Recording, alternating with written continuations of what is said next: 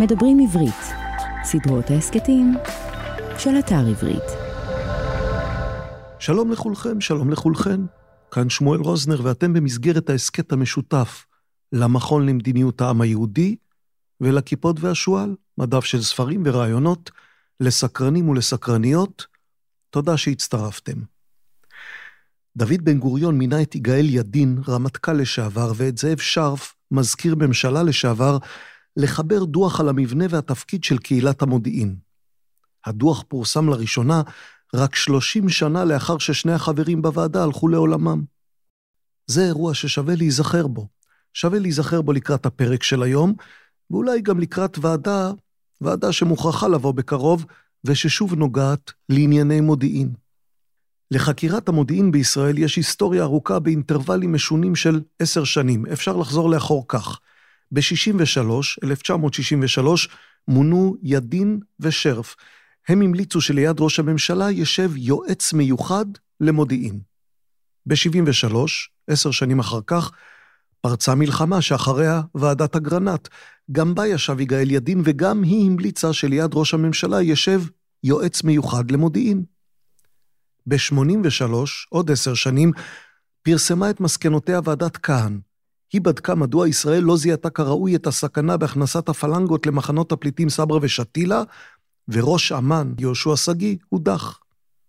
ב-93, צריך לומר, ככל שבדקתי, לא ישבה אף ועדה לבדוק את תפקוד המודיעין, אבל ב-2003 שוב הייתה אחת כזאת, אמנם פחות מוכרת, בראשות יובל שטייניץ, היא התכנסה לבדוק מדוע ישראל חשבה וטעתה שיש לעיראק נשק להשמדה המונית. נחשו על מה המליצה. מינוי של מזכיר מודיעיני, אני מצטט, שתפקידו לתאם, לבחון ולתכלל את עבודת שירותי המודיעין. סוף ציטוט. שלוש ועדות והמלצה אחת. מי יישם את ההמלצה הזאת? ראש הממשלה יצחק רבין ניסה בכהונתו הראשונה הוא ניסה לתקופה קצרה עם רחבעם זאבי ולעוד תקופה קצרה עם יהושפט ארכבי. בכהונתו השנייה של רבין הוא כבר לא טרח, וגם לא כל מי שבאו אחריו. בגין, שמיר, פרס, ברק, שרון, אולמרט, נתניהו, בנט. אפשר לומר, ראשי הממשלה כולם חסרי אחריות, הם נמנעו מפעולה שוועדות חקירה רבות דחפו לה. ואפשר לומר, ועדות החקירה לא הבינו את המציאות הפוליטית, הן המליצו על משהו שראשי ממשלה פשוט לא רוצים לעשות. ועדות חקירה. אנחנו בפרק נוסף כאמור של הסכת המכון למדיניות העם היהודי בשיתוף מיזם הכיפות והשועל. בהסכתים של המכון למדיניות העם היהודי אפשר לצפות באתר המכון jppi.org.il. אפשר להאזין להם בכל הפלטפורמות במסגרת סדרות ההסכתים של הכיפות והשועל, או בערוץ היוטיוב של הכיפות והשועל, או באתר של הכיפות והשועל, שאתם יודעים איך להגיע אליו, kipshu.com, k-i-p-s-h-u.com. עכשיו לשיחה. שיחה על משפט ופוליטיקה, על מחדלים ותיקונם, על כיפור, לבנון, אסון מירון, אריאל שרון, על פרשת השב"כ, על רצח רבין, על גולדה מאיר, על נתניהו, ברק, מערת המכפלה, סברה ושתילה, בחירות 1973, תיאוריות קונספירציה, יעלו ויבואו גלבר, פינקלשטיין, קלגסבלד. מיד אחרי האות.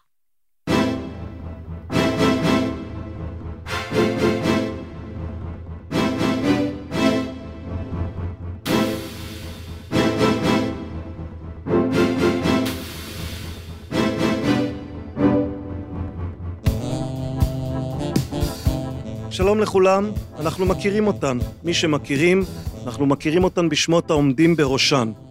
אגרנט, ועדת החקירה של מלחמת יום כיפור, וינוגרד, מלחמת לבנון השנייה, בייסקי, קריסת מניות הבנקים, שמגר, שתי ועדות, הטבח במערת המכפלה ורצח יצחק רבין, אור, אירועי אוקטובר 2000, כהן, אירועי סברה ושתילה. למה לדבר על ועדות חקירה? נדמה שהתשובה ברורה.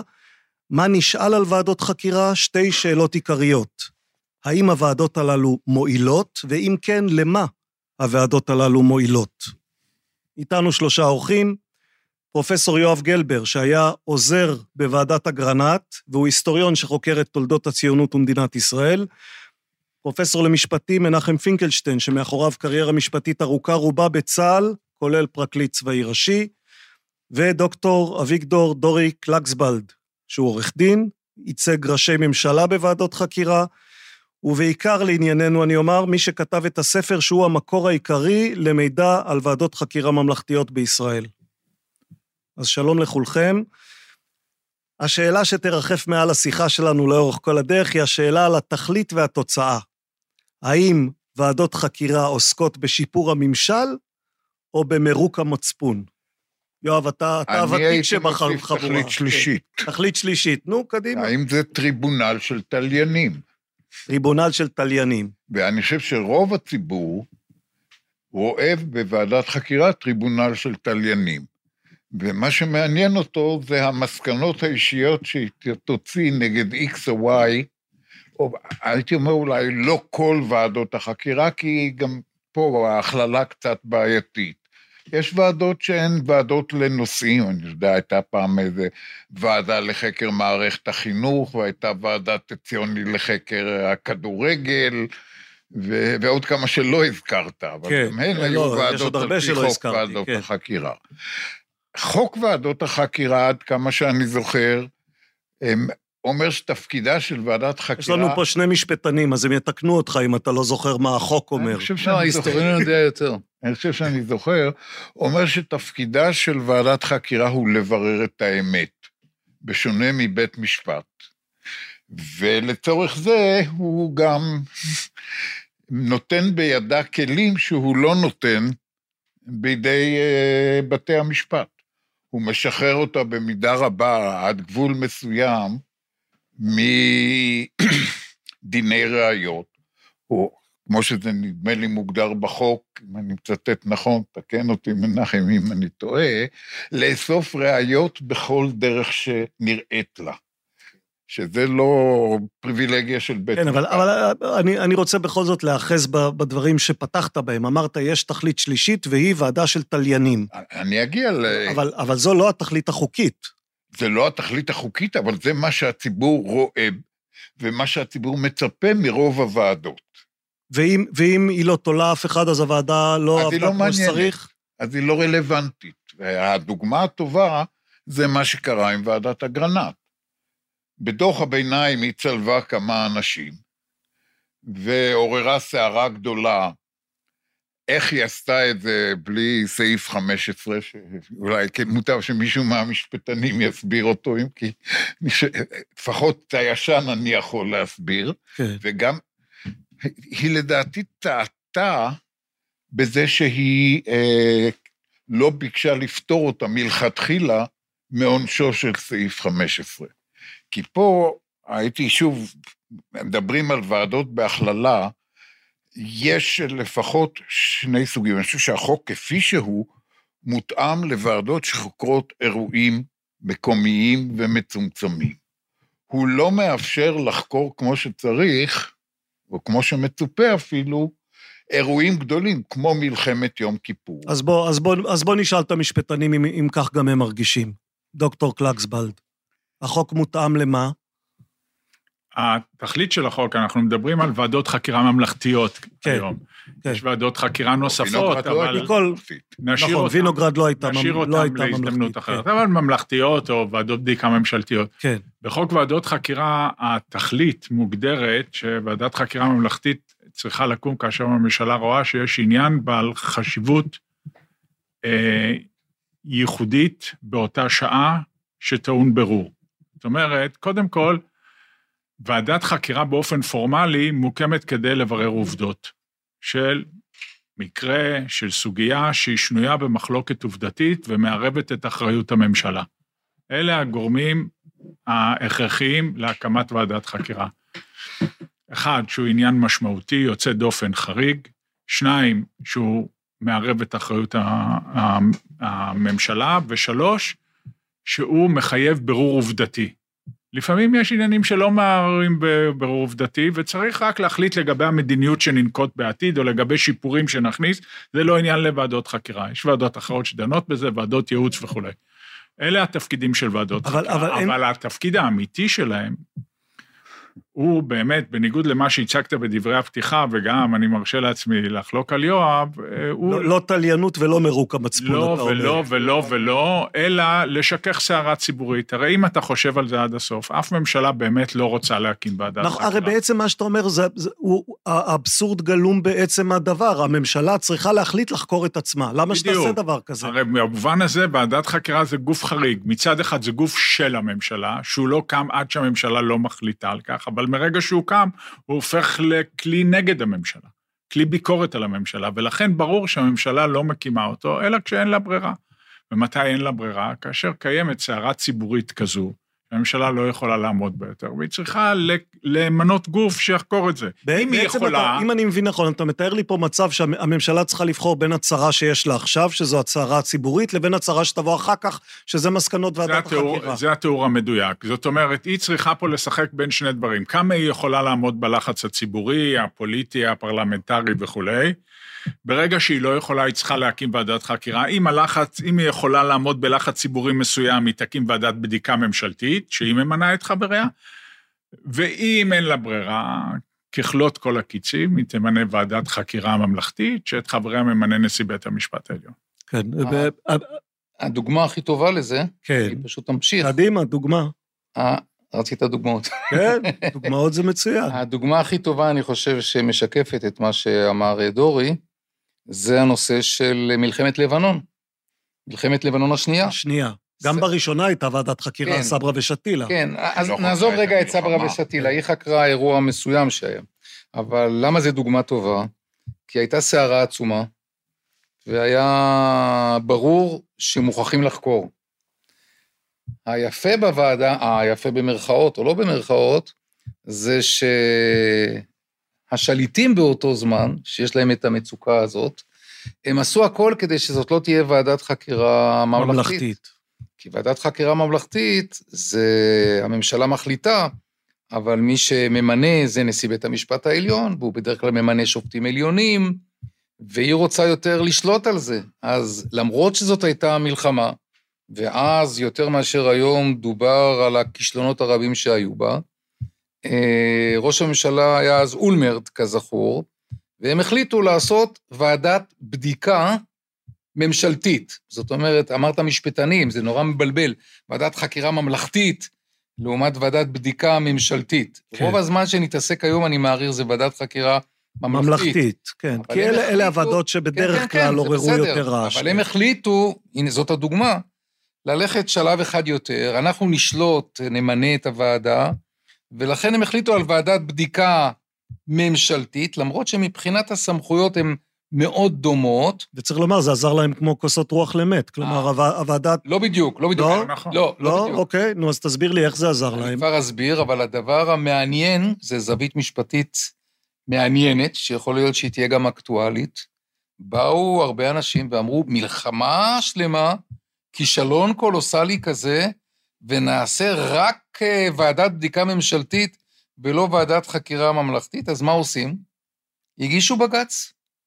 בג"ץ מאוד מפורסם, שהחליט ברוב של ארבעה נגד שלושה, שאפשר לחיות עם זה. זאת אומרת, שלושה שופטים עליונים, חשבו שאי אפשר. וביניהם מרים נאור, ואלי רובינשטיין, ועוד, גם נאור, עליה שלום, שישבה עליה בראש שלום, ועדת שישבה אה, בראש מירון. ועדת מירון, כן. המתרגשת עלינו בקרוב, היא אמרה שזה לא בסדר, שצריך לעשות ועדת חקירה ממלכתית.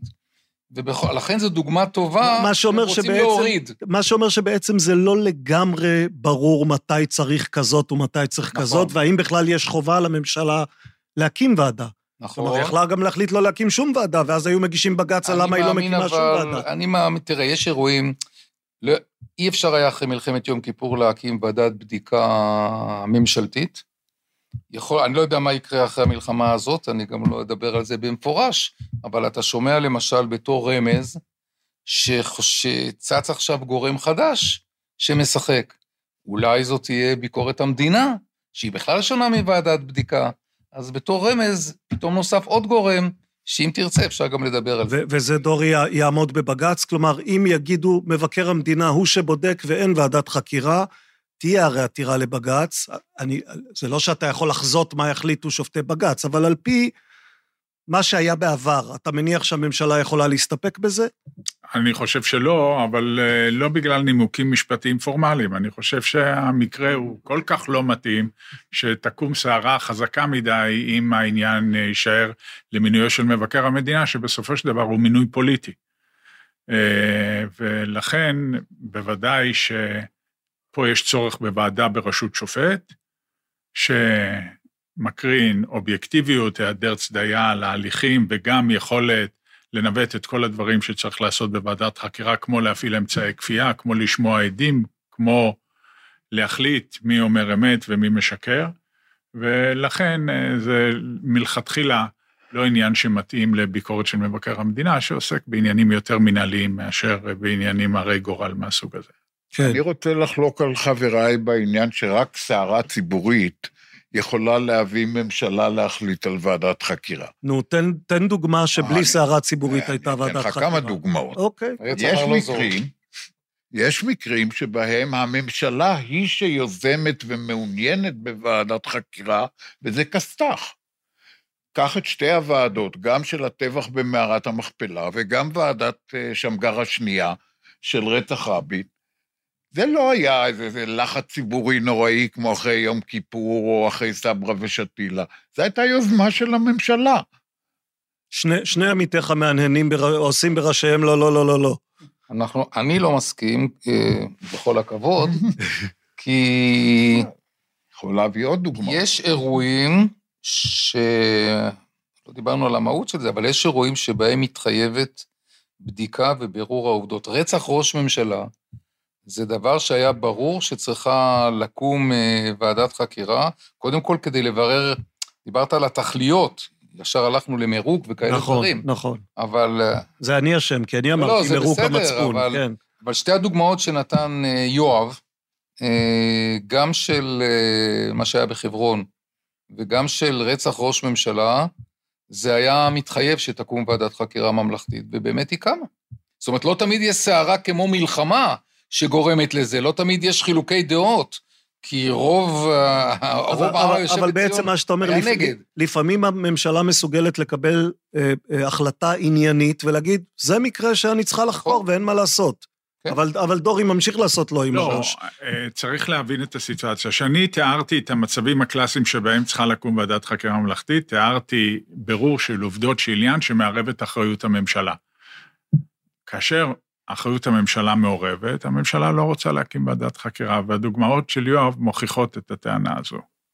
שתי הדוגמאות שהוא נתן, זה שני עניינים שלא קשורים בכלל לאחריות הממשלה. הטבח במערת הצבא, זה, המכפלה. זה לח... תחקרו את הצבא. כן, הצבא אה, השב"כ. מבצע טבח וכך הלאה וכך הלאה, אבל זה לא מגיע למעלה, והוא הדין ברצח ראש הממשלה. לא כן. צריך להרחיב. כן. ו... כלומר, אתה אומר, הרבה יותר קל לממשלה להקים ועדה לא כשהתקלה היא של. מישהו אחר. אז אין לה שום בעיה.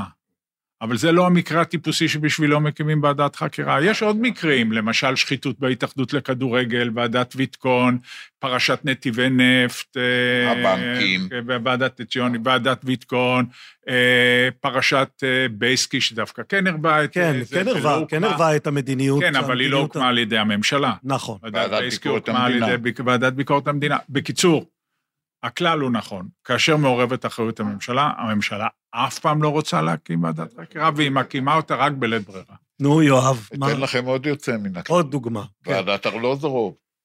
נכון. זה גם כן איכשהו הממשלה של הבינה, לגמרי. איכשהו הממשלה לא הבינו שזה לא באחריותה. הממשלה לא הייתה עד- אקטואלית. נכון. כן, הממשלה המתינה עד שיהיה ברור שלא לא נשאר מישהו. בסביבה שאחראי לזה, לא, ועכשיו אפשר לחקור. לא, לא. אחראי אני לא יודע. זה דרך אגב מקרה לא מתאים כן, למינוי ועדת חקירה. זהו, זה זה עניין היה... להיסטוריונים. הסערה הייתה על המינוי, על הקמת הוועדה, לא כן. כדי להקים... רגע, אתה. היית בוועדה הזאת? אני הייתי חבר הוועדה, עד שהתפטרתי. זה היה נכון, מתאים אתה, אתה, להיסטוריונים. אתה, התפטרת אבל על רקע משהו אחר. על רקע סברה שלא הקימו ושתילה. ועדה בזמן על סברה ושתילה. נכון. כלומר, מונית לוועדת ארלוזורוב, ואז היה סברה ושתילה, ואז לא מינו ועדה, אז התפטרת מארלוזורוב בגלל סברה ושתילה. בדיוק. אבל אז הקימו ועדה גם לסברה ושתילה. אחרי שישבתי חמישה ימים, נדמה לי. אתה, חושב שההתפטרות. הרועמת שלך מוועדת ארלוזורוב היא זאת שחוללה את ועדת רק, קהל? לא, אבל היא תרמה. תרמה את חלקה. בוא, בוא נדבר רגע על השאלה השנייה שהעליתי, והיא שאלת התכלית. כלומר, היא שאלת התוצאה. לא, התחלנו בשאלת התכלית, אני רוצה לעבור לשאלת התוצאה.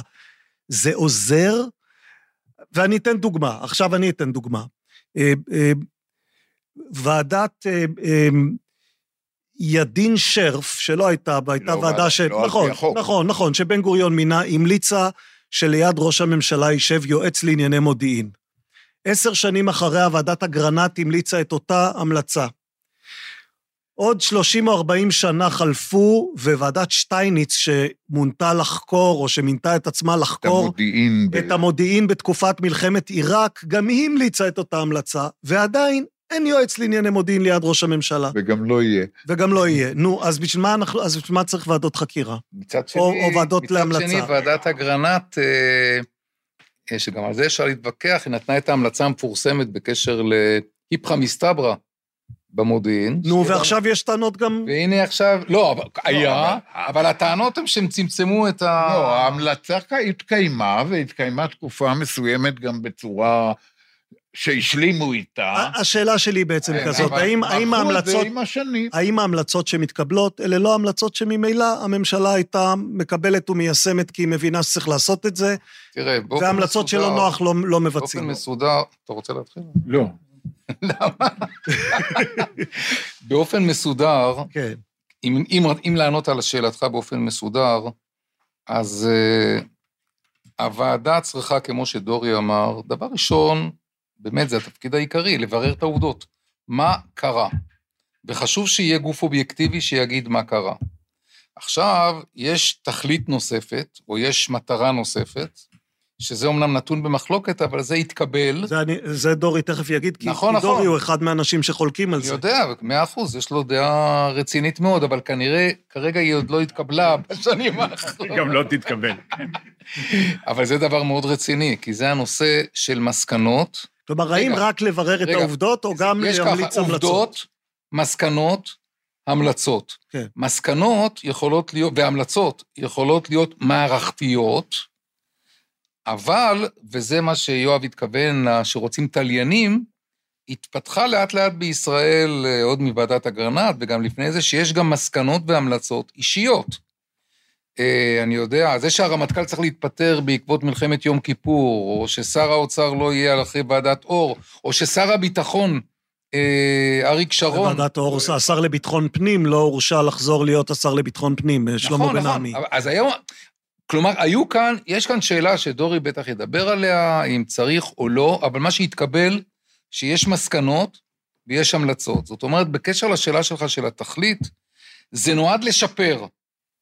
בשני מובנים עיקריים, אחד מערכתי, ובלבד שיקיימו את ההמלצות. הרבה פעמים אה, זה מונח אז זאת השאלה שלי, האם, האם הם בכלל. מקיימים את ההמלצות? אבל הדבר השני, שההמלצות האישיות, שזה תופס תאוצה, זה גם אה, לא רק צופה פני עתיד, אלא זה גם צופה פני עבר, זה במובן מסוים גם סוג מסוים של עונש. זאת אומרת, אם אריק שרון, בעקבות סברה ושתילה, נאלץ חרף רצונו להיות שר הביטחון, זה דבר מאוד משמעותי. כלומר, להפסיק להיות. להפסיק להפסיק להיות, להיות. כן. כלומר, יש, יש כאן תכליות שאני חושב שהן תכליות נכונות, ובלבד שישתמשו בהן אה, נכון. אני יכול לתת דוגמה אחרונה בעניין הזה. בעקבות ועדת אור, אתה עוד הגנת, דורי, בוועדת אור? על, אה, על ברק, נכון? על אהוד ברק, אז- שהיה ראש הממשלה בתקופת אירועי אוקטובר 2000. אז דורי מצליח, הנה, למשל, לא, לא המליצו שם המלצות אישיות, נכון? נכון. אז, אבל היה המלצות על איזה שבעה, שמונה אנשים, והממשלה תוך שבועיים התכנסה, והיא החליטה לקבל את כל ההמלצות האישיות על כל שמונת האנשים. לעומת זאת, אה, אני הקטן הייתי בוועדה, ראש ועדת בדיקה, לא ועדת חקירה, והייתה לי המלצה, היה לנו לעניין המלצות הימלטות האסירים, לעניין הימלטות האסירים מכלא גלבוע. כן. היה לנו גם המלצות אישיות, אבל המלצה אחת הייתה חותכת, שראש מחוז מסוים, מפקד מחוז צפון, מה שנקרא אלוף פיקוד צפון של השב"ס, יסיים את תפקידו עד תאריך נקוב שאמרנו, ואף אחד לא קיים את זה. אני כתבתי על זה עכשיו מאמר שעתיד להתפרסם. אה, יופי. כן. אבל אני רוצה להגיד, השאלה כן, שלך... דעת- דעת קש- המיעוט שלך. לא, לא, כן. לא דעת אה, מיעוט, אבל- השאלה אבל שלך גם- מבלבלת. גם אליה נגיע, אני רוצה. שעה- התחלת בשאלה אם ועדות חקירה מועילות. הן מועילות. אני תיארתי את התכלית של ועדת חקירה לשכך סערה ציבורית, והן עושות את זה, בהצלחה רבה. העובדות שוועדות חקירה קובעות מתקבלות על ידי הציבור. וברגע שהעובדות מתקבלות, הסערה הציבורית שוכחת. או- או שמת- או שמתעוררת סערה. ציבורית חדשה על לא, רקע המסקנות. לא, לא, זה על רקע אחר, אבל לא על רקע שזה יתעורר. זה יתעורר על רקע סערה ציבורית. היה פה משהו שערב את אחריות הממשלה, אף אחד לא ידע בדיוק מה קרה, קבעו את העובדות. העובדות מתקבלות על ידי הציבור, והסערה הציבורית הזו שוכחת. עכשיו יש שאלה אחרת, והיא שאלת המסקנות וההמלצות. אה, ההמלצות, כפי שנאמר פה, מתחלקות לשתיים. ההמלצות המוסדיות, שהן בעיניי העיקר, כלומר, יושבת ועדה ולומדת את הנושא, וצריכה לשפר משהו שנפל פה פגם לגבי העתיד. הבעיה היא שההמלצות האישיות מטשטשות את הרושם של ההמלצות המוסדיות. כולם מתרכזים בהמלצות האישיות, כי זה הרבה יותר פיקנטי, זה הרבה יותר אישי, זה הרבה יותר מעניין והרבה יותר אבל זאת. בעיה של תפיסת הציבור. השאלה אם גם הממשלה וגם גם המוסדות המדינתיים עסוקים רק כן, אני חושב בהמלצות שזה מאוד האישיות. מועיל. תיקח למשל את ועדת פינקלשטיין, אני חושב שהיא שינתה את המצב בבתי הסוהר. בצורה דרמטית. אני חושב שוועדת לנדאו לחקירות, אה, לדרך חקירות השב"כ, שב"כ. שינתה לחלוטין את דרך החקירות נכון. של אנשי... אני חושב שוועדת זיילר שינתה את הפרוצדורות להפעלת אה, מודיעין. אה, אני חושב, אה, ואני יכול לתת לך עוד הרבה מאוד דוגמאות אחרות של ועדות, למשל ועדת כהן ואתה פיתחה את גם נושא ש- האחריות האישית. וללא הוועדות האלה אתה. מניח שלא היו, כל, כל השיפורים האלה לא היו קורים אלמלא ועדת החקירה. אני, כן, סביר להניח. ממשלות. לא משפרות דברים בעצמן, הן חושבות שהן מושלמות. אז אה, אתה יודע, צריך איזשהו גורם חיצוני שגם יאמר להם מה לעשות, כי הן עצמן, אילו היו חושבות שצריך לשפר משהו, היו עושות את זה בעצמן, חושבות שהכל בסדר, ואז צריך לבוא גורם חיצוני ולהגיד להם זה וזה. עכשיו, מיד יואב, רק אני, אני כן רוצה שדורי יתאר את דעת המיעוט שלו בנושא ההמלצות. אני חושב שההמלצות האי- האישיות הן אה, בעייתיות. הן קודם כל בעייתיות במובן הפשוט ביותר. הואיל ואמרנו שמינוי ועדות חקירה נתון לממשלה, הרי אם הממשלה תחשוש בסופו של דבר שההמלצות יופנו נגדה, היא פשוט לא תקים ועדת חקירה, היא תעשה כל דבר כדי לא להקים ועדת חקירה. לא עכשיו. אה, והראיה לכך שמאז שהומצא הגוף ועדות בדיקה ממשלתיות, לא הייתה אף פרשה שמערבת את אחריות הממשלה, שהממשלה הקימה לגביה ועדת חקירה ממלכתית, חוץ מאשר ועדות חקירה שהוקמו לגבי אחריות הממשלה הקודמת. כן. טוב, כמו זה- עניין הצוללות, יותר, כן. עניין מירון, זה של הממשלה הקודמת, אז אפשר להקים. אבל לגבי הממשלה שמקימה את הוועדה, אף פעם, וזה כבר לא יקרה יותר. וככה אנחנו מאבדים כלי משמעותי, אפקטיבי ויעיל לשיכוך הסערה הציבורית. עכשיו, עכשיו, עכשיו אני אנסה להקשות עליך, למרות שאני בטוח שתמצא תשובה טובה. מצד אחד אתה אומר, הוועדות הן כלי שמוקם במידה רבה בגלל לחץ ציבורי ולשיכוך לחץ ציבורי. מצד שני, אתה רוצה לקחת מהוועדות את הדבר שמבחינת הציבור הוא הדבר המרכזי. תגידו לי מי אשם ותסלקו אותו. כן, זה מבחינת הציבור. הציבור יכול לפעול לסילוקו של מי שאשם באלף ואחת דרכים אחרות. בואו ניקח את המצב הקיים, שאני יכול לדבר עליו בצורה חופשית, כן? נגיד uh, שהציבור היום חושב שאחד משרי הממשלה, או חלילה ראש הממשלה, צריך לשלם את מחיר המחדל של 7 באוקטובר. אז לפי מה שאתה מציע, עכשיו, קודם נתחיל באיזה סערה ציבורית, אחר כך תוקם ועדת חקירה. זה סדר גודל של דבר שלוקח בין שנתיים לשלוש, יוציאו מכתבי אזהרה, אבל למה זה לוקח עורכי שנתיים, דין. שלוש? ועדת אגרנט בארבעה חודשים הגישה נכון, מסקנות. אבל בדיוק, ביניים. בדיוק בנושא, ביניים, נו, בסדר, בדיוק, מסקנות ביניים. בדיוק בגלל שהיא לא 15. הפעילה את סעיף 15 ולא נתנה אזהרות. אבל בסך הכל אני אגיד לך, ועדה כזו, אנחנו מדברים על בין שנתיים לשלוש, במזג אוויר טוב. ולכן, אה, נשמע אה, חסר כל היגיון שכדי להסיק מסקנות כלפי שרים או ראש ממשלה מכהן, אנשים יצטרכו, הציבור יצטרך להמתין שלוש שנים למסקנות ועדת חקירה, ויכול להיות, לא, שאני מאמין שאולי כבר יהיו שרים אחרים וראש ממשלה אחר, וכל הדבר יהפוך להיות כבר אה, בלתי אפקטיבי. אז, אז בעצם. לוז, לוז זה תלוי בך, אתה שולל מוועדות החקירה הממלכתיות את האפשרות להוציא מסקנות אישיות. מציע שלא לעשות את זה. תבררו עובדות, זה. תיתנו לי המלצות מערכתיות, אה. ואת העניינים זה האישיים גם תשאירו ייתר לציבור. את השלב הארוך של מתן האזהרות ומתן הזכויות לאנשים שעלולים להיפגע מהדוח. כן, או אתה תפסיד עבודה. כמובן, כי יהיו לך פחות לקוחות. שאתה מוחל על. העבודה. כן, יואב. אה, קודם כל, אני חושב שמסקנות מוסדיות מועילות, ובדרך כלל, אני לא יודע אם בדרך כלל, המקרים שאני מכיר הן גם מיושמות. זה לא יכול להיות אה, מיידי. נו, אז אומרת, נתתי לך את דוגמת היועץ לענייני מודיעין ליד אה, ראש הממשלה. רגע, רגע. זה, יש סיבה טובה למה לא.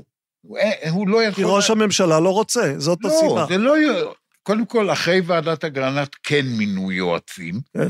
אה, בין היתר אריק כן, שרון כן, כן, היה יצחק איזה זמן רבין. יועץ יצחק של רבין ניסה לעשות אה, את זה. סעדיה תובל היה יועץ של פרס. אה, היו מינויים. זה נכשל מכיוון שזה לא היה מעשי, זה, זה, זה, זה היה איזה ג'וק של ידין. את כל האחרים זה עניין הרבה פחות. אוקיי. ידין מוועדת שר סוחב את העניין הזה.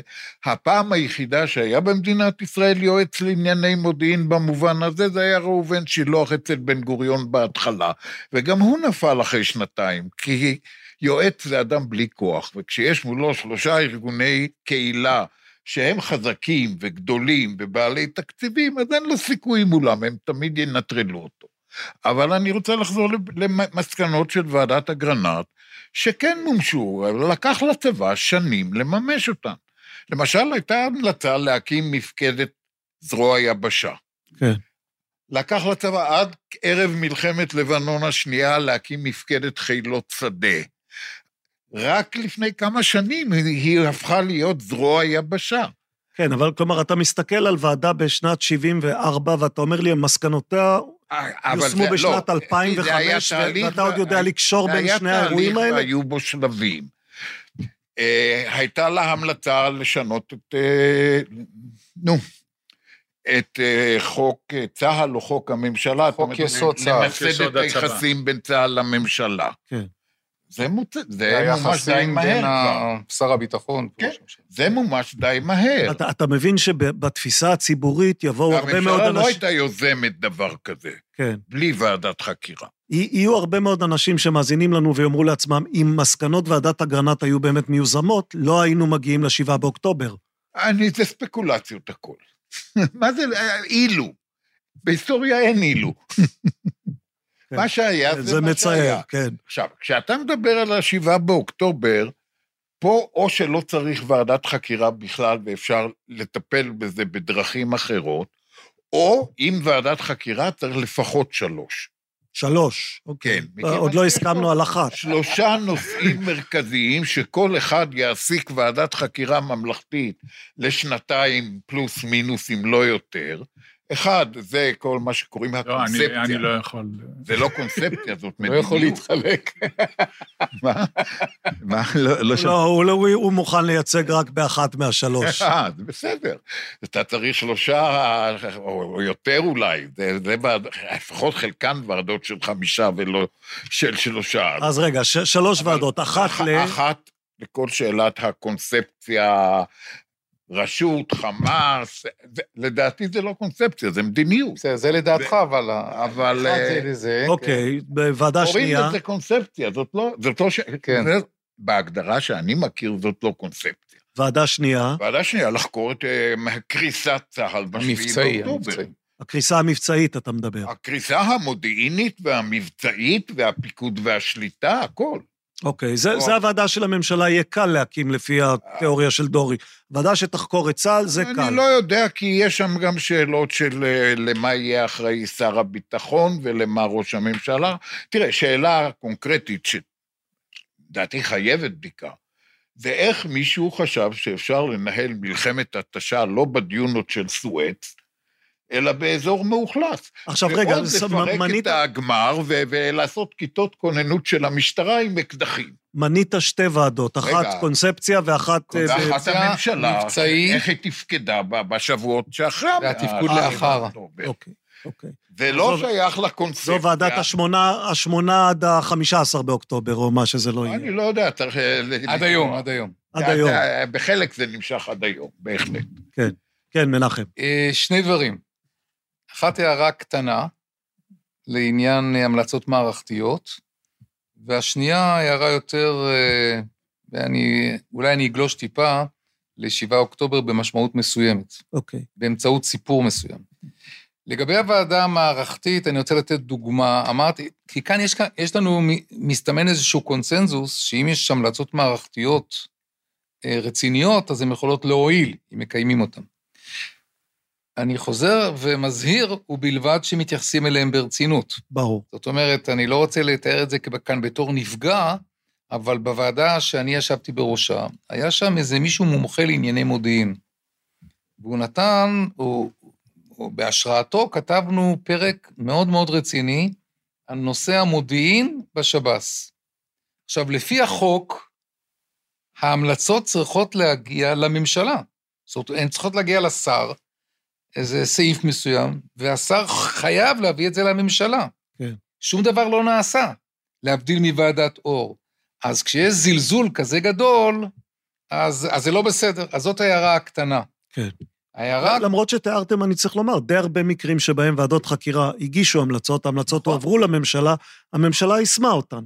נכון, ב- אוקיי. בדיוק. זה, ו, ו, זאת אומרת, יש בזה במקרה הזה. לא. אוקיי. כן. עכשיו, דבר יותר רציני, שזה גם משליך על מה שקורה היום, ואני גם רוצה כאן אה, לאחרות, אה, להחזיק אחרי אה, דורי. אנחנו מעדיפים שאתה, שאתם חולקים אחד על השני, אני לא אחלוק- מסכימים אחד אני עם אחלוק השני. ואחריה, אחלוק ואחריה. כן. אני חולק עליו, אבל אני לא אנמק בהרחבה, כי אני חושב שזה כן טוב שיהיה מסקנות אישיות והמלצות אישיות. אני לא אפרט עכשיו למה, ולפעמים גם זה עזר, למשל סברה ושתילה או דוגמאות אחרות. אבל זה ויכוח באמת עקרוני. אבל, אבל הוא אומר לך, בגלל זה לא קמות ועדות חקירה רגע, ממלכתיות. בסדר, בסדר, אני אתייחס לזה, אבל אני רוצה להגיע לנקודה שבעיניי כרגע יותר חשובה, שהובלעה בין הדברים. ובעניין הזה אני חושב שהוא צודק. הסיפור שהבטחתי, זה סיפור לא ידוע, אני חושב, כי הזמן עובר. אני חוזר לוועדה החביבה עליי, ועדת וינוגרד. כן. שישבו שם אנשים רציניים. עכשיו, מה שאני אומר, היום כבר הציבור לא... דורי יודע, אולי יואב, אבל רוב האנשים לא יודעים את זה. הם כתבו אה, חוות... הם היו צריכים בעצם, מבחינה אישית, הם היו צריכים להתייחס בעיקר, וזה גם שהם החליטו, לראש הממשלה, שר הביטחון והרמטכ"ל. זה וואחד שלישייה. כן. שלישייה... אהוד אולמרט, עמיר פרץ ודן חלוץ. נכון. ו- זה בעיקר, והם, והם התייחסו לזה. ובדוח הביניים שלהם, הם כתבו, אה, מתחו עליהם ביקורת רצינית, אבל הם אמרו, אנחנו לא חושבים שאנחנו צריכים למלא את כל ההוראות של סעיף 15, שעוד פעם, הצופים שישמעו, סעיף 15 זה הסעיף המפורסם שאומר שצריך לתת הרבה זכויות למי שהולכים לפסוק. צריך לה- להזהיר, להזהיר את מי שעלול להיפגע. להזהיר אותו, צריך לכתוב במה אתה מזהיר, צריך. להעביר לו את כל החומר, צריך להעביר את זה לפסים של בית משפט, ואז הוא לוקח את דורי וחבריו, וזה גם לוקח זמן. אז עכשיו אני באמצע סיפור. כן. אז הם כתבו את זה. או אז הוגשה נגדם עתירה לבג"ץ, שאמרה, חבר'ה, אתם לא יכולים לזלזל בסעיף 15. אז הם אולצו, וזו ועדה רצינית, לבוא ולהגיד, אוקיי, הבנו. נמלא את סעיף 15. או אז הם התכנסו להם בחדרי עבודתם, ופתאום התהפכה הקערה. זה הסיפור שהוא לא כל כך ידוע. הם החליטו שהם לא חייבים לתת מסקנות והמלצות אישיות. למה? עכשיו, הסיפ... הסיבה שאני אומר לך היא תיראה פרוזאית, אבל כאן אני מתחבר לדברים שנאמרו, ואני מבין אותם לגמרי, ייתכן שאני הייתי עושה אותו דבר, כי את כל החומרים שהם אספו בשלב הראשון, שזה היום, בעידן הטכנולוגי, זה עשרות אלפי מסמכים. בוודאי. לעיין בהם, לתת אותם, לקחת עורכי דין, לעשות חקירות וחקירות נגדיות, זה היה לוקח להם, אחרי שהם כבר ידעו מה קורה במלחמה, ועשו דוח ביניים של כמה מאות עמודים, זה היה לוקח להם, דורי אמר שנתיים-שלוש, הוא אמר במזג אוויר יפה. הוא אמר במזג אוויר יפה, אנחנו עכשיו יש גשם אוויר בחוץ. שם היה צפוני. כן. עכשיו, איך זה מתקשר, בכל זאת אני אגיד מילה אחת על אה, 7 באוקטובר. אם, אם יחליטו על ועדת חקירה שהיא תהיה עם כל הנושא האישי, המשמעות היא לא שנתיים-שלוש, זה לא נכון. לפי דעתי זה יהיה, א', יצטרכו להחליט, ב', זה ייקח כמה שנים. תראה. כשישבו וינוגרד והחברים שלו, בעצם המתח היה בין דוח רלוונטי עכשיו, נכון. לבין דוח כולל מסקנות אישיות ו... בעוד שש שנים. ואז הם החליטו, הם כתבו את זה. מצטערים, אנחנו לא יכולים לעמוד בזה. אם אנחנו נמלא את סעיף 15, לא נספיק, והחליטו לעזוב את המסקנות וההמלצות האישיות. עכשיו, למה הדברים האלה הם מאוד אקטואליים? כי שמענו על כמה אנשים כבר שלקחו אחריות, נכון? שמענו. מה זה? כן. שמענו.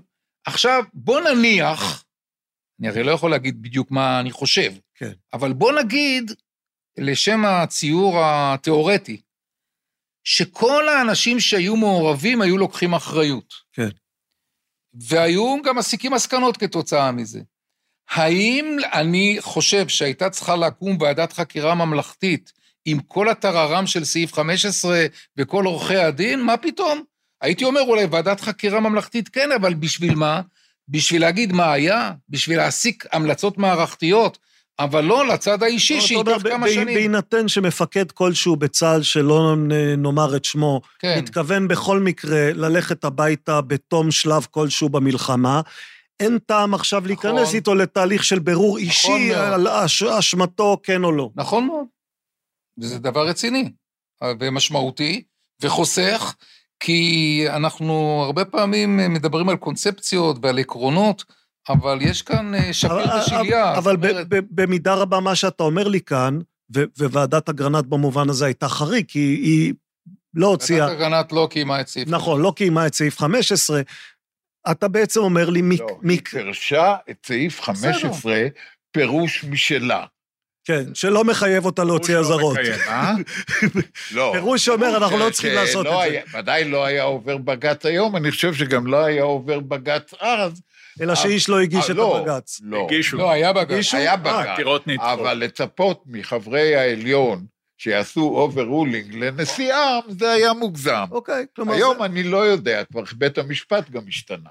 כן, אוקיי, אז, אז השאלה בעצם ממה שאתה אומר לי פה, מנחם, זה לא מצב שבו למקבלי החלטות יש היום אה, סוג של מנוף שהם יכולים להפעיל כדי למנוע מוועדת החקירה לגזור מסקנות אישיות. הם יגידו, אין בעיה, אתם רוצים מסקנות אישיות?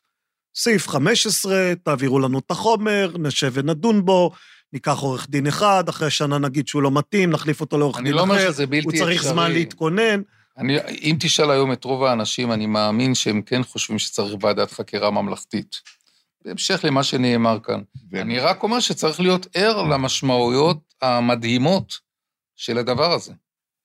ואם יש אנשים כבר שלוקחים אחריות, אז לא הייתי, עושה, לא הייתי ממנה בעניינם, והייתי עושה את כל הפרוצדורה המיותרת הזאת. לא, יש פה שאלה אחרת. אה, זה היקף העבודה של הוועדה. נכון.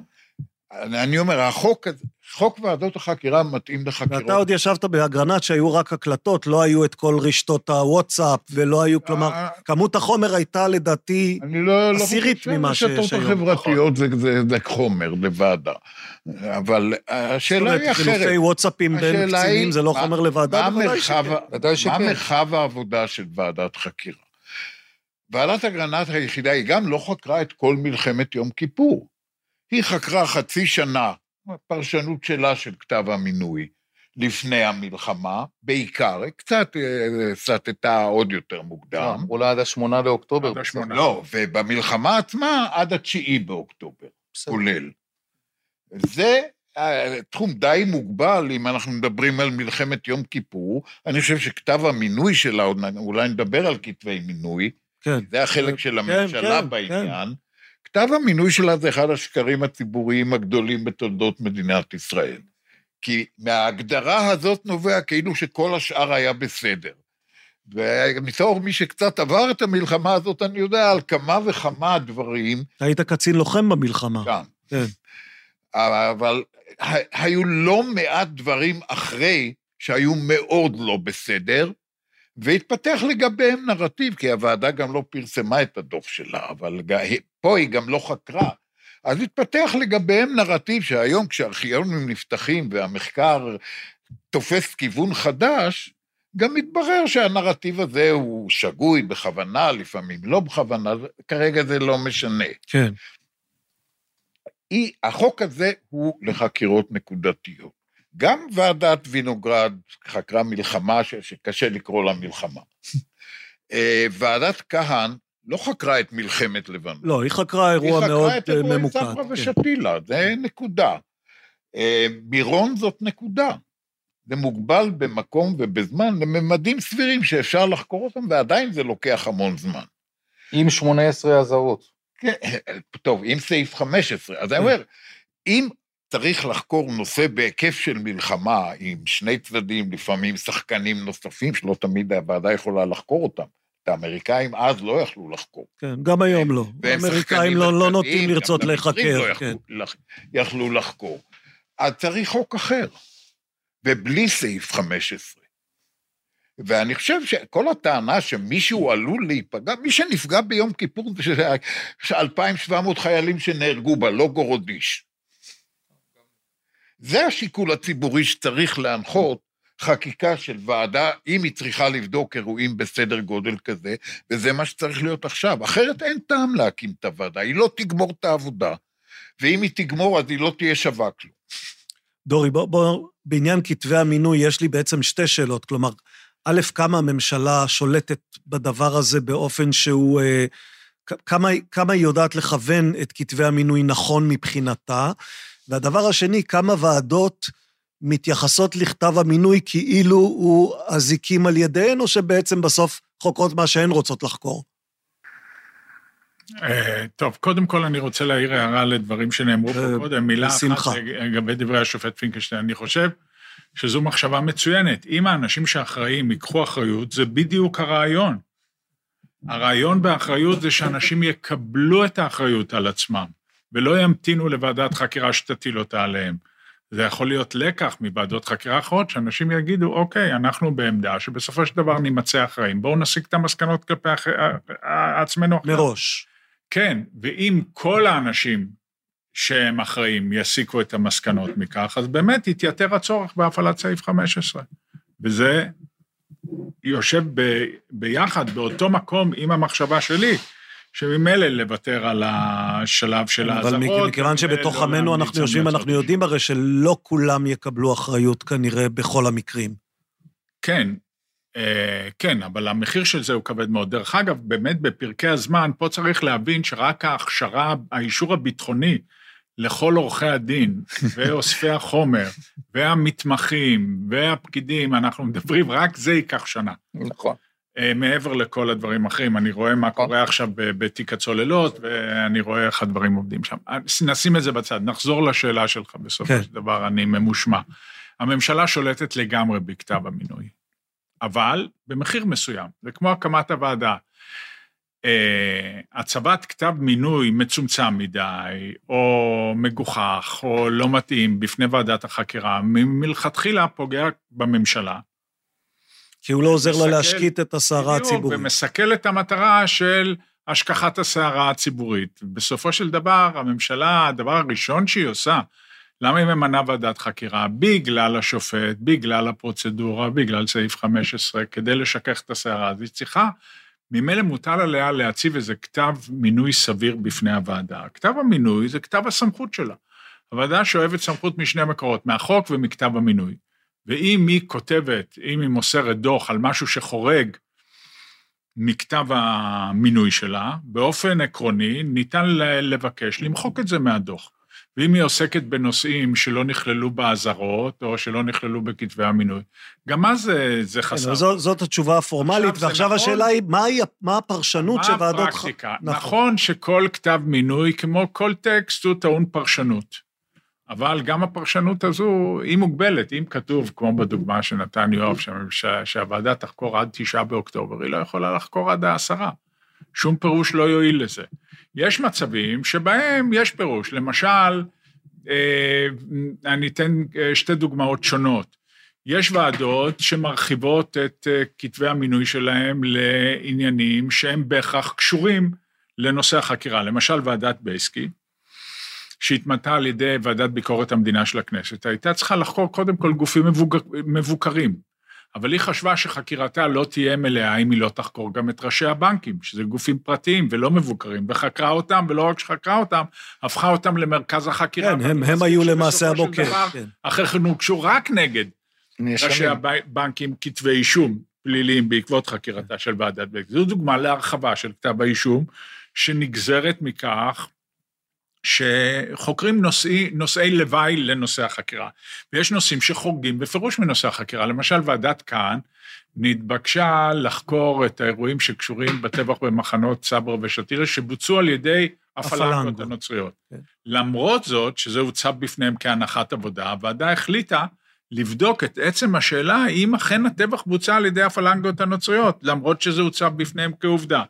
זו כבר הרחבה מסוג אחר של סמכויות החקירה. כלומר, ניתן לפרש, ניתן להרחיב קצת, כתבי מינוי הם גמישים, ברמה מסוימת, הם לא אינסופיים. ו- ואיך תגיב על הטענה שמישהו יבוא ויאמר, טוב, השופט אגרנט, שופט של שנות ה-70, היה פחות מהזן המרחיב, ולעומת זאת, שופטי המאה ה-21, שידועים הרי בהרחבת סמכויותיהם עד אינסוף, אנחנו יודעים שהם יחקרו מה שהם רוצים. גם פרשנות זה עניין של פרשנות. נכון, דרך אגב, אני, אני חולק על זה, אני חושב שאגרנט היה שופט הרבה יותר מרחיב מחלק נכון, מהשופטים היום. נכון מאוד. זה כבר עניין של הסתכלות. אבל כן. אני, אני חושב, ועדת אגרנט הרחיבה בהחלט את כתב המינוי, כי כתב המינוי בתחומים מסוימים נוסח בצורה עמומה. זאת אומרת, הוא כן הגדיר תאריכים, אבל יש בו סעיף אחד, שהוא נורא כללי, זה לבדוק את היערכות צה"ל למלחמה בדרך כלל. ופה הוועדה במודע פירשה אותו בצורה מאוד מרחיבה. כי היערכות צה"ל זה רמה משמעת בצה"ל, וזה... הכוונה הייתה לבדוק את מצב הימ"חים. דווקא את זה היא לא עשתה כמו שצריך לדעתי. אבל דברים אחרים, היא לבדוק את מצב, את תפיסת האימונים, יש שם דוח שלם של חיים לסקוב כנספח, כי האחרים אמרו, אנחנו לא מקצוענים מספיק כדי להבין בזה. שהוא נוגע בהרבה נקודות שהן קשורות לצבא בכלל, לא למלחמה וגם לא לדרך שבה כלומר, כלומר תיאורטית, אם עכשיו יבואו ויאמרו, בואו נבדוק את אה, אה, היערכות צה"ל ל-7 באוקטובר, אז אפשר לבדוק גם אם חיילים הקפידו על גיהוץ מדעי א'. אני חושב שהיא מחייבת בדיקה. אה, התחלתי להזכיר אותה, אבל לא, לא סיימתי. פעם בצה"ל היה מושג שנקרא הגמר. זה היה קו ההגנה הראשון של מדינת ישראל. ובכל יישוב ספר היה או מחלקה או פלוגה, תלוי בגודל היישוב, שזה היה חלק מהיררכיה בפיקוד, עם נשק נ"ט ועם נשק צוותי, ועם חיילים שהיו חיילי מילואים מוצבים להגמר. עכשיו, ניהלו פה עשרים שנה מלחמת התשה בשטח מאוכלס, זה נכון לדרום, זה נכון גם לצפון, אם כי זה עוד לא התפוצץ שם, שכל המושג של הגמר, שבתנאים כאלה צריך להיות מחוזק, נמחק, ולא ברור בדיוק מי דן על זה, מי החליט על זה, אם בכלל. שזה יכול להיות שוועדת החקירה תצטרך לחזור בכלל 25 שנים לאחור כדי לבדוק. לחפש מתי זה קרה. זה קרה אחרי 67' או אחרי 73' מתישהו, אבל בתהליך, לא באקט ולא בהחלטה. זה סיפור לחקירה בפני עצמה. הערה בקשר לכתב המינוי. בתור אחד שישב בוועדת חקירה, אה, או בוועדת בדיקה, אז בסופו של דבר מדובר באנשים, והפרשנות היא, אומר דורי, טוב, אם אתה תפרש, אז אפשר יהיה, אם, אם אתה תחרוג, אז אפשר יהיה לנסות לבטל את זה. מבקש שתמחק את החלק בדוח. זה לא יקרה, כי למשל הדוגמה שהוא נתן, ישבו שם אהרן ברק ויצחק כהן, נשיאים של בית משפט עליון, והם אמרו במפורש, נכון שאנחנו מצאנו לנכון לחרוג בנקודה מסוימת, הם אפילו לא הסבירו מכוח מה הסמכות שלהם. החלטנו לחרוג, ואף אחד לא פצע פה ולא צפצף. זה אחד. דוגמה בעוונותיי... תראה, מה זה אף אחד? ש... אה, אה, שרון לא חשב שבוועדת כהן... לא, לא, לא, שבא... לא לעניין זה, הזה. לא לעניין הזה. אה, הסיפור של בריחת האסירים הייתה לפני לא הרבה זמן. כן. אנחנו יושבים, ופתאום בא מפקד בית הסוהר ומספר על פרשת סרסור הסוהרות. שלאט לאט הבנו שזה, הציבור יותר מתעניין בזה מאשר בבריחת אגב, האסירים. מ- מסיבות אה, מאוד מובנות. מאה אחוז. כן. ולכן התכנסנו שלושתנו, אני מספר לך דברים מפי הסוס. כן. ואמרנו שאנחנו לא, נכון שזה עניין של... זה לא בכתב אישום, המינוי. וזה לא בכתב המינוי, אבל בפרשנות, אה, אני חושב שהיא גם נכונה, של הנושא של המודיעין, הקשר בין המודיעין לבין ה... נתנו הסבר שלם למה במובן עקיף, ויש לנו גם בוועדות המצאה של אחריות עקיפה, למה כן צריך, לה... כי חשבנו, תראה, זה גם ועדה ציבורית, יש כאן, זה לא, זה לא בדיוק משפט, זה ציבוריות. הציבור מתעניין בזה, זה דבר חשוב, השתיקו את זה הרבה מאוד שנים, אז חשבנו בין השאר שנהיה לפה גם לעניין הזה, מה עוד שיש לזה קשר גם לנושאים שקשורים לבריחה. זה לעניין אה, כתבי המינוי. כן.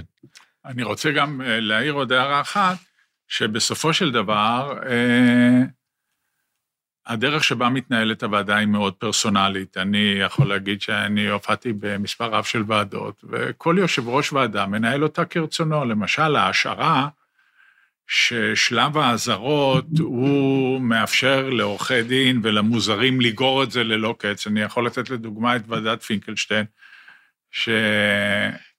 שהיה קשוח מדי, אתה אומר. זה, זה הזמן לבוא איתו חשבון. לא, לא, לא, בפירוש לא, אבל זה היה שלב מאוד מהיר.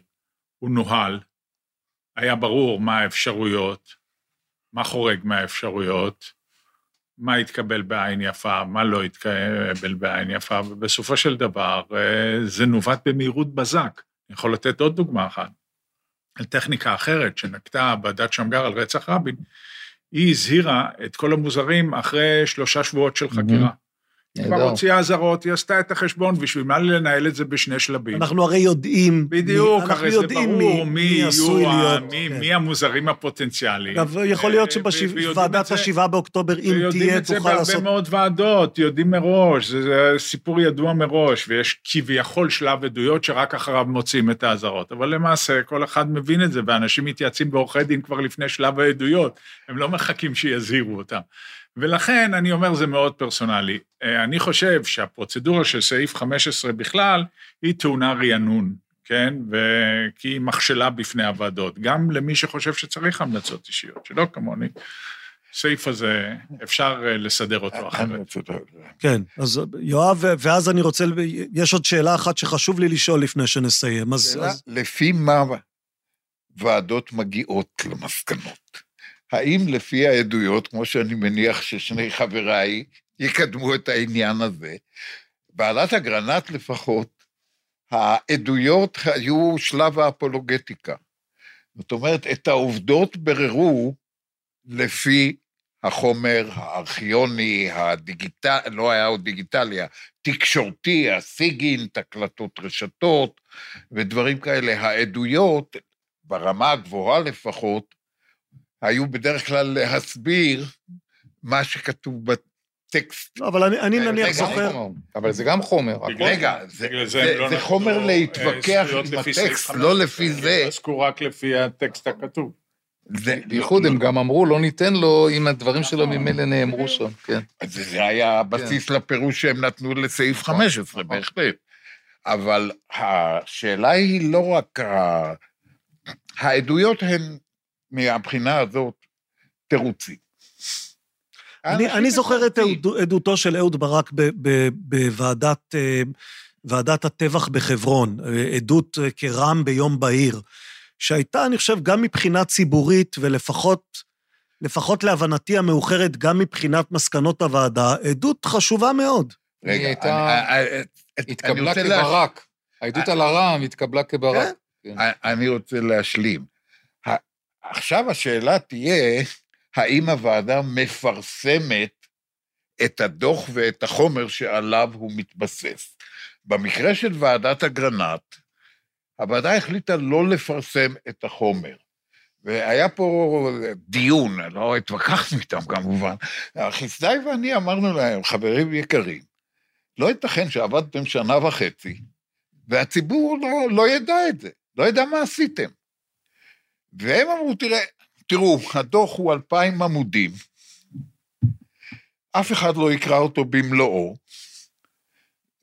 אמר, וכמובן כן, במחיקה של כן. כל מה שהתחייב מטעמי צנזור. כן. ביטחון מידע. אף אחד לא יקרא אותו במלואו, וחנה זמר וזאב שיף יחליטו מה הציבור ידע ממה שעבדנו ומה לא.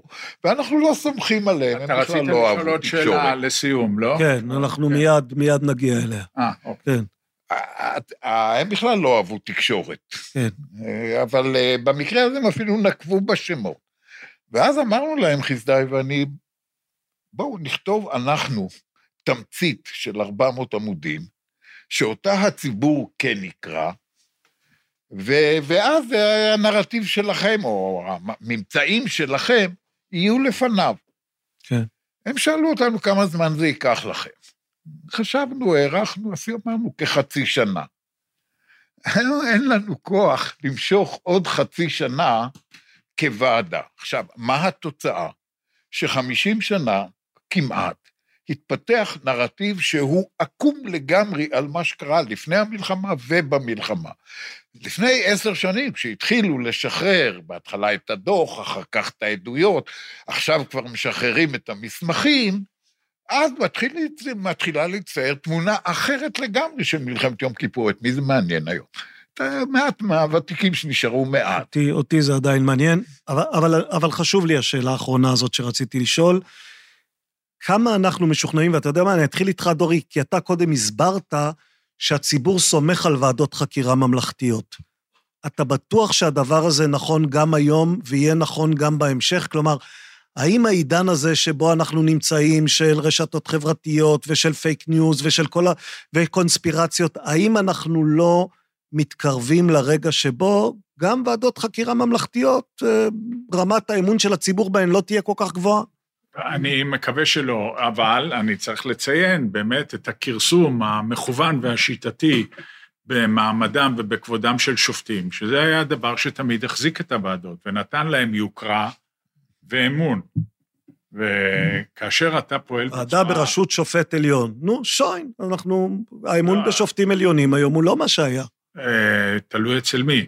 אה, נכון. בכל אופן, אה, אין ספק שבשנים האחרונות נעשה מאמץ מכוון ושיטתי לפגוע במעמדם ובכבודם של שופטים. אני חושב שקודם כל זה מזיק למדינה, ושנית זה מזיק למערכת, ואם תחשוב על השיקול של הקמת ועדת חקירה לשכך סערה ציבורית, זה עלול לפגוע בה. הצד השני של הדברים האלה זה שאין לך כלי טוב יותר לברר את העובדות ולשכך סערה ציבורית. עדיין, אחרי כל הדברים, ככלות הכל, להעמיד שופט בראש ועדת חקירה עם סמכויות כפייה ועם אה, חברים יוקרתיים אחרים בוועדה שהציבור סומך עליהם, כי הוא לא סומך רק על השופטים, הוא סומך גם על חברי הוועדה האחרים שמתמנים על ידי נשיא בית המשפט העליון. אני חושב שעדיין זו האופציה הטובה ביותר לברר את העובדות של פרשה שנויה במחלוקת. אה, זה לא בטוח. בדרך כלל הם ממנים אנשים גם, גם אלה שהם לא שופטים או שופטים עליונים, הם אנשים אה, רמי דרג. בעלי משקל אבל ציבורי הערה אחת ויושרה. בנושא הזה, כן. הערה וחצי, אחד, אל תהיה כל כך סקפטי בנושא הזה של אה, ירידת הדורות, גם בזמן עליית הדורות, כשהיה את הוועדה המפורסמת, שיואב מאוד מתרפק עליה, אה, ועדת אה, אגרנט, אז למיטב הבנתי, למרות שישבו שם שופטים מצוינים ואנשים נישאים, העם למעשה לא קיבל את האפליה שעשו, את ההבחנה, נקרא לזה. שעשו בין הדרג הצבאי שעשו בין למדיני. הדרג הצבאי לדרג שוב, המדיני. מפני שהוא לא ידע רגע, לא עשו. בסדר, אז צריך אה, לזכור את זה. והיו גם טענות על קשרים אישיים בין חלק מחברי הוועדה. לא, לא, לא, לא, אני אגיד מה היה. רגע, רגע, רגע, ואחרים. זה דבר ראשון. אז זאת אומרת, אולי זו הערה תמימה כזאת, אז אולי אם לפני 50 שנה, בשישה לאוקטובר, אז uh, זה לא יתקבל, אולי, מי יודע, אולי ועדות אחרות... אה, בשבעה באוקטובר, אתה אומר. נגיד, אז אולי הם כן יתקבלו. אז אה, תרשה לי להיות, אה, אני יודע, תמימות קונסטרוקטיבית נקרא לזה. כי באמת לא קיבלו את ועדת אה, אגרנט. נכון. הדבר השני, וזו הערה שהיא, כאילו, אני ממשיך דבר קודם שאמרתי, לא דיברנו על אפשרות אה, שבו, הרי כמו שאמר דורי, הממשלות לא כל כך רוצות למנות ועדה. אז הם עושים כל מיני דברים. עכשיו, אה, היום עלה, לאחרונה עלה, ולכן זה גם אקטואלי, הנושא הזה של מבקר המדינה. למה אני מזכיר את זה? אחד, תראו את ה-33 נושאים שהוא ביקש מהם אה, התייחסות. אם את, איך, איך ימצאו את הדברים האלה? באמצעות מילות מפתח במחשבים היום, זה לא מה שהיה בוועדת אגרנט. כן. אני אומר לך שבוועדה הקטנה שלנו, שהיא קטנה מאוד לעומת של מלחמות, הבריחה מ... כן. אז אנחנו הלכנו לפי מילות מפתח. אתה יודע כמה מסמכים הגיעו אלינו? על הבריחה? 60 אלף מסמכים. אתה יודע כמה זמן צריך לעבור על זה? זה א'. ב', אני צריך להאמין לך שעברת על ה-60 אלף האלה. בשביל זה יש עוזרים. כן. ב', אה, בעניין הזה, אה, אמרתי שזה יכול להיות גם איזשהו אה, טריק או דבר מהסוג הזה. אה, הנושא הזה של אה, מדברים על, הרי הרמטכ"ל שלח מכתב, אני מדבר על דברים שהתפרסמו, כן. שאי אפשר לעשות ביקורת אה, מדינה בזמן שהצבא לוחם, וזה, ואני מבין בהחלט את הרמטכ"ל, אבל לא דיברו על דבר אחר. האם יכולה לקום, האם מבקר מדינה יכול לבדוק את שלוש- 33 הנושאים האלה, כשרוב העם חושב שצריכה להיות ועדת חקירה שכנראה היא תקום? האם לא יכול להיות שיבוש? האם לא, נגיד בוועדת הר מירון, אז uh, מבקר המדינה רצה לבדוק, אבל ברגע שמונתה הוועדה, אז הוא הפסיק לבדוק. אולי הוא לקח איזשהו נושא... אני חושב אז, שחלק... אז מה קורה היום, בפואנטה כאן, היום זה לא בדיוק אותו דבר, כי עוד לא מונתה ועדת הר מירון של המלחמה, אבל כולם יודעים שזה אמור להיות. אז האם מבקר מדינה, יש כאן בעיה משפטית גם, שעוד לא, לא, לא מדברים עליה, האם אין כאן חשש, מ... שיב- אני סומך על, על שיבוש- תום ליבו, אבל שיבוש זה יכול להיות, כן, חקירת הוועדה. הנה, אתה אמרת, זה יכול להיות, יכול להיות להגיע למדרגה של שיבוש אה, עבודת ועדת החקירה. זה לא פשוט, ולא מדברים על הנושאים האלה, אבל זה נושאים, לדעתי, מאוד רציניים. יואב, אנחנו מתכנסים לסיום, אני כן רוצה דקה. כמה אתה בטוח שאנחנו נסמוך על ועדות החקירה גם מכאן והלאה? אני לא בטוח בכלל. העובדה כבר שעל ועדת אגרנט לא סמכו. עכשיו, ועדת אגרנט זה גוף האחרון, אני חושב, בתולדות מדינת ישראל, שלא דלף ממנו כלום. כלומר, הציבור אין לו מושג מה היה בה. גם ועדת נתקל בזה... הצוללות. מה? גם ועדת הצוללות. כן, גם שם, אני נכון, אני גם שם לא דולף, לפחות עד עכשיו. אבל העניין הזה של לא לפרסם, זה גם, אז הוועדה לא שווה, אז אני לא מאמין לה. זאת אומרת, אה, במגבלות של ביטחון מידע צריך לפרסם. צריך גם דיון פומבי ככל שאפשר, כלומר שהציבור יוכל לצפות בו? אה, לא, אני לא חושב. אני חושב שכן. דיון פומבי כי משפיע... העדות שהזכרתי קודם, לא, זה ועדת, משפיע על העדים. ועדת הרצח במערת המכפלה, היו דיונים מצולמים. בסדר, זה, זה, זה ועדה שאני קורא לה ועדת כיסוי תחת. היום הולכים יותר ויותר אה, בכל הנושא של הוועדות, גם הר מירון והוועדות האחרות, וזה כתוב גם בכתב המינוי. זה, עברנו כמה עשרות שנים מאז אה, מה שהיה. גם מ... מ- גם כל ועדה שתהיה, היום היא בדרך כלל מפורסמת, ומצלמים אותה, ו- ו- וזה לא, בסדר. ועדה שעוסקת בנושאים ביטחוניים, בסדר. גם חפוף. בגלל הביטחון מידע, ברור. אבל גם ההשפעה של הקהל נכון. הנוכח נכון. והעיתונות על העדים מרחיקה את האמת. בכן ולא, שאלה אחרונה אז מדברים לכולכם. על העיתונות ולא ולוועדה. בכן ולא, שאלה אחרונה לכולכם. אתם, מיש... נתחיל ככה, דוקטור קלרקסבלד, תודה שבאת. האם אתה מעלה על דעתך שלא תקום ועדת חקירה ממלכתית לחקירת השבעה באוקטובר? לא. פרופסור גלבר, תודה שבאת. האם אתה מעלה על דעתך שלא תקום ועדת חקירה יש? אפשרות כזאת. השופט פינקלשטיין? שופט פינקלשטיין החליט ש... או מנחם, החליט שהוא לא מתעסק בוועדת ה... הוא גם מנוע, אבל במקום זה אני אתן איזשהו צימוק אחר לצורך יפה, העניין. לסיום. צימוק לסיום. לסיום, לסיום, ולא נרחיב בזה כמובן, אבל כולם יודעים על הנושא הזה של האחריות והאחריות האישית, אבל הערה לעניין מושג שמאוד מאוד מסתובב בלי שמבינים אותו, והוא נקרא אחריות מיניסטריאלית, שהרבה שמעו על המושג הזה, דיברה על זה ועדת אגרנט, ו... הנקודה שיכולה לעניין את הציבור, שלמרות שמדברים על זה, ויש ועדות שאומרות שהן יכולות לדון בעניין הזה, אחריות מיניסטריאלית, זאת אומרת, ראש גוף, או ראש מדינה, או ראש אלוף פיקוד, או רמטכ"ל, או ראש שב"כ, אה, שעומד בראש גוף, האם יכול להיות שיקבעו לו אחריות, גם אם אתה לא, לא תוכל לשים את האצבע במה הוא לא היה בסדר. זה פחות או יותר האחריות המיניסטריאלית. הנקודה המעניינת לסיום, שאף ועדה במדינת ישראל עד היום לא קבעה אחריות אה, מיניסטריאלית לעומד בראש גוף, ואותי מאוד מעניינת השאלה הזאת. כלומר, אם התקלה היא לא שלך, אתה לא אחראי. אם אין לך אחריות, היא יכולה להיות גם אחריות ישירה וגם עקיפה. צריך כן, להבין, כן, עקיפה ברור. זה לא וידאת, לא פיקחת, לא כן. ראית, אבל כן, אם לא שמו את האצבע על משהו שאתה לא בסדר, אז מעולם ועדה בישראל לא קבעה אחריות מיניסטריאלית, שזאת נקודה מעניינת. ובזאת נסיים. תודה רבה. תודה רבה, רבותיי.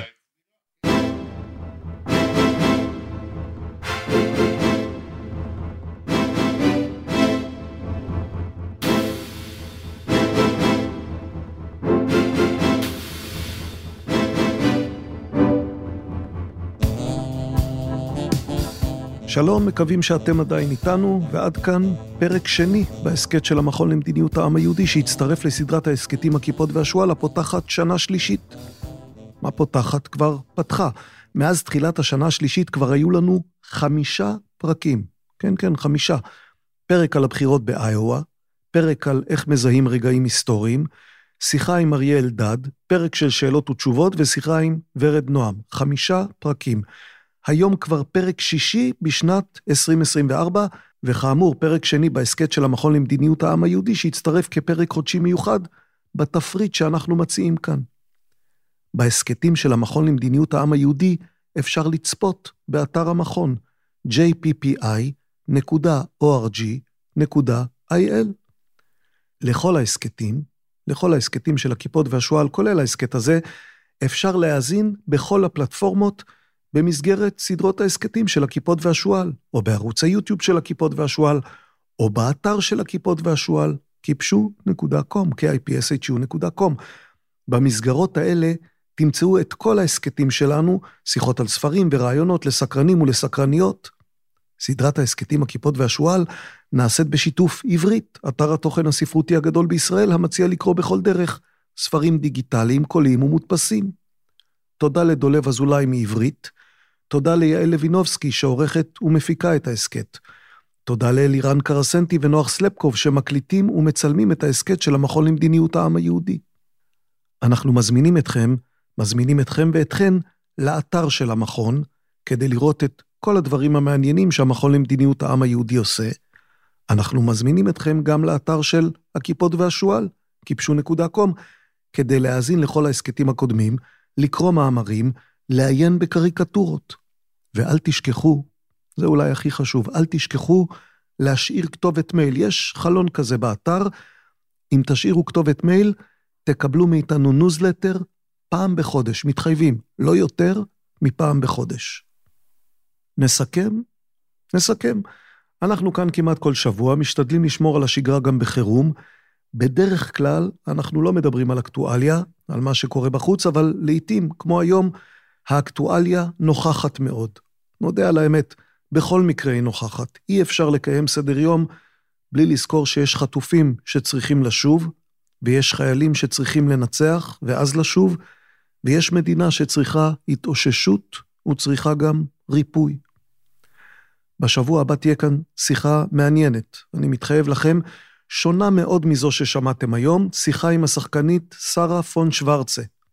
אז אנחנו נהיה כאן, ואני מקווה שגם אתם ואתן תהיו, ועד אז שיהיה שקט, שיהיה ביטחון, ביטחון לגוף וביטחון לנפש, ונמשיך לייחל לניצחון ואחר כך לשלום. להשתמע.